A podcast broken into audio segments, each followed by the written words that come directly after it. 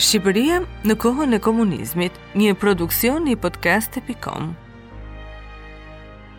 Ku ndodhet bunkeri antibërthamor në periferi të Tiranës?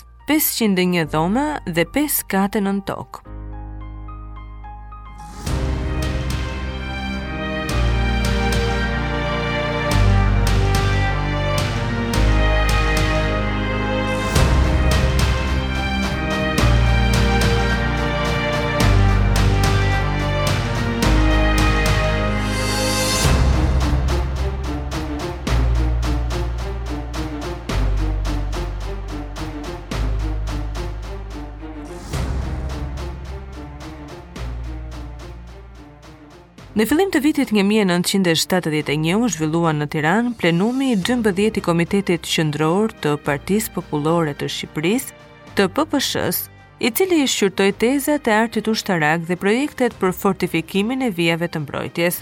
Arti ushtarak popullor parashikonte që e gjithë Shqipëria të stërvitej dhe armatosej për t'i bërë ballë armikut. Ideja e fortifikimit të vendit mbështetej fort nga kryeministri Mehmet Shehu, i cili u vendos vetë në vijën e parë së bashku me një grup specialistësh të talentuar, siç ishin Mero Backa, Alfred Moisiu, Josif Zegali e të tjerë. Modeli shqiptar i bunkerëve u realizua pasi u konstatuan të gjitha sistemet e mëparshme që nga vija Mazhino deri tek lufta në Vietnam. Sipas literaturës së kohës, bunkerët shqiptarë ishin të aftë të përballonin të gjitha armët e kohës, por edhe armët kimike dhe bërthamore me fuqi deri në 20 kiloton. Prodhimi i bunkerëve nisi menjëherë dhe prova e parë u krye në vitin 1975 në Grykën e Këlcyrës. Prova e dytë u krye në Peldhia të Sarandës në vitin 1976. Brenda bunkerëve u vendosën kafshë të gjalla dhe më pas nisi bombardimi i zonës me armët më të rënda që kishte ushtria shqiptare. Në Sarandë u hodhën mbi 1000 predha artilerie dhe më pas aviacioni hodhi mbi 100 bomba 50 kilogram, 250 kilogram deri në 500 kilogram. Bunkerët i rezistuan bombardimeve dhe kafshët brenda mbijetuan. Përpara se çështja të dërgohej për miratim në Këshillin e Lartë të Mbrojtjes, u bënë edhe eksperimente të tjera dhe të gjitha dolën me sukses. Më pas, byroja politike vendosi që të njihet si bunkerizimi i Shqipërisë. Fortifikimi masiv që nisi në vitin 1975 vazhdoi deri në vitin 1985 kur vdiq Enver Hoxha. Dhjetra specialistë inxhinierë shqiptarë u nisën në Europë, kryesisht në Suedi, Francë dhe Itali, ku arritën të lidhnin kontrata për blerjen e makinerive të prodhimit të çelikut dhe betonit special. Në Ministrinë e Mbrojtjes Popullore u krijua edhe posti i zëvendës ministrit për fortifikimet. Sistemi i bunkerëve është bërë në mënyrë rrethore, në mënyrë që të mbrohen nga njëri tjetri përmes dy vijave mbrojtëse. Bunkerizimi i Shqipërisë. Bunkerët në Shqipëri janë një pamje e kudogjendur në vend me një mesatare prej 5.7 bunkerësh për çdo kilometër katror. Bunkerët u ndërtuan gjatë qeverisjes komuniste të Enver Hoxhës, në vitin 1960 deri në 80-ën. Në vitin 1983 ishin ndërtuar gjithsej 173.371 bunkerë betoni në të gjithë vendin.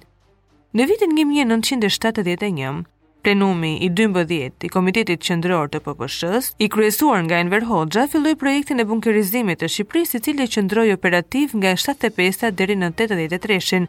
Në këtë periudhë u planifikua të ndërtoheshin dyqind e njëzet e një mijë e njëqind e dyzet e tre bunkerë, por u ndërtuan vetëm njëqind e shtatëdhjetë e tre mijë e treqind e shtatëdhjetë e një. Pak a shumë në çdo njëmbëdhjetë banorë. Gjatë periudhës së ndërtimeve, e cila zgjati 8 vjet, me një mesatare mbi 21.000 bunkerë të ndërtuar në vit, vdiqën me qindra ushtarë dhe civilë për shkak të aksidenteve në punë. Ata janë ndër viktimat e komunizmit tërësisht të harruar. Programi i bunkerizimit të Enver Hoxhës rezultoi në ndërtimin e bunkerëve në çdo cep të Republikës Popullore Socialiste të Shqipërisë duke filluar nga kalimet e maleve në rrugët e qytetit. Ato kurrë nuk u përdorën për qëllimin e tyre për të cilin u ndërtuan. Kostoja e ndërtimit të tyre ishte një zbrazje e burimeve financiare të Shqipërisë, duke shmangur ato nga nevojat më urgjente, siç ishin Trajtimi i mungesës së strehimit të vendit apo rrugëve të varfra. Pas rënies së komunizmit në vitin 1990, bunkerët u braktisën. Shumica tashmë janë të braktisur, ndonëse disa prej tyre janë ripërdorur për qëllime të ndryshme, përfshirë strehimin rezidencial, kafenetë, depot dhe strehëzat për kafshët ose të pastrehët. Disa e panë shkurtimisht përdorimin në konfliktet e Ballkanit në vitet 1990. Nga fundi i luftës së dytë botërore, deri në vdekjen e tij në vitin 85, Enver Hoxha ndoqi një stil politik të bazuar në vijën e ashpër të stalinizmit me disa elemente të maoizmit, Ai u prish me Bashkimin Sovjetik, pasi Nikita Hrushovi filloi reformat duke tërhequr Shqipërinë nga Pakti i Varshavës në vitin 1968 në shenjë proteste ndaj pushtimit të Çekoslovakisë dhe prishi marrëdhëniet me Republikën Popullore të Kinës, pas vizitës së presidentit amerikan Richard Nixon në vitin 72 në Kinë. Regjimi komunist vazhdonte të kishte probleme me fqinjët për shkak se Greqia vazhdonte të kishte fuqi që pas luftës së dytë botërore, ndërsa Jugosllavia kishte synuar të merrte Shqipërinë dhe ta bënte atë republikë të shtatë të saj, si dhe përdorimin e politikave shoviniste kundrejt shqiptarëve etnikë të Kosovës, duke pretenduar se udhëheqësit jugosllavë po ndiqnin një politikë të shfarosjes atje. Strategjia ushtarake Duke filluar nga viti 1967 dhe duke vazhduar deri në vitin 1986, qeveria shqiptare kreu një politikë të bunkerizimit që solli ndërtimin e qindra mijëra bunkerëve në të gjithë vendin. Ato u ndërtuan në çdo vendodhje të mundshme, ku duke duke filluar nga plazhet dhe malet, në vreshtat dhe kullotat, në fshatra dhe qytete. Regjimi i kohës parashikonte që Shqipëria të luftonte në dy fronte ndaj një sulmi që mund të vinte nga Jugosllavia, NATO-ja ose Traktati i Varshavës që përfshinte sulmin e njëkohshëm deri në 11 divizione desante ajrore. Doktrina shqiptare bazohej në konceptin e luftës popullore, duke u mbështetur në përvojën e fituar në rezistencën gjatë luftës së dytë botërore. Shqipëria ishte i vetmi vend europian që kishte arritur të çlirojë veten pa ndërhyrjen e trupave të huaj, edhe pse partizanët përfituan nga sasi të mëdha të furnizimeve dhe armëve të siguruara nga aleatët.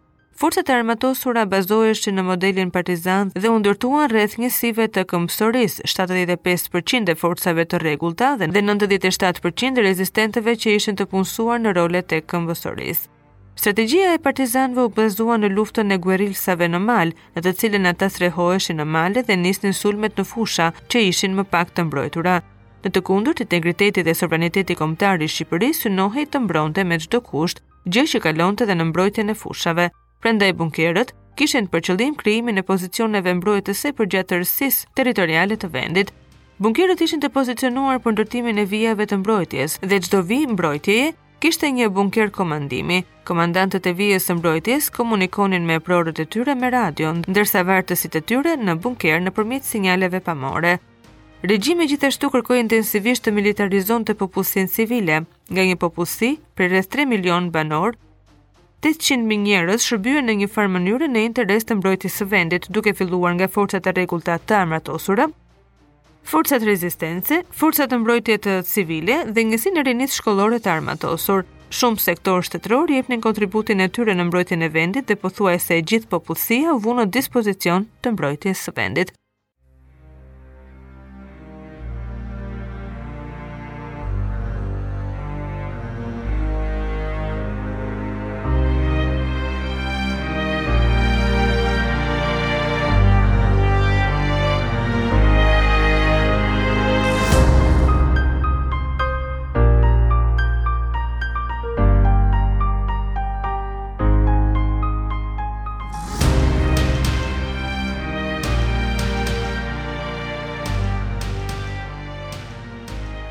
Ndoqët podcastin Shqipëria në kohën e komunizmit.